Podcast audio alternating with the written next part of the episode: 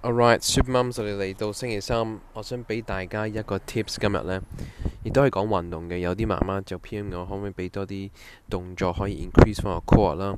自己嘅 core 好 weak 嘅。咁其实呢，你会发现 core，你以为系就系得腹部咯，或者腹肌啦。其实 core 系属于你个背脊啦，后边个 lower back 啦，个背脊啦，边边啦，同埋同埋反而个腹肌嘅。所以三角形系一个 three D，你个身形系一个 three D 个。個身材嘅，唔係 two D，唔係就係話，哎呀 b e s t Jeff，你快啲俾多啲啊誒腹部嘅堆動作俾我做啦。其實咁樣唔會令到佢進步嘅。所以點解我哋會有，例如點解我哋會有誒 deadlift，點解我哋會有 lower back 嗰啲動作啦，點解我哋有 mountain climber 啦，right，點解有 plank 啦，係全部都要 work 晒你三個三個 three dimension，三個 three D 你自己個啊全身嘅，唔係 two D 嘅。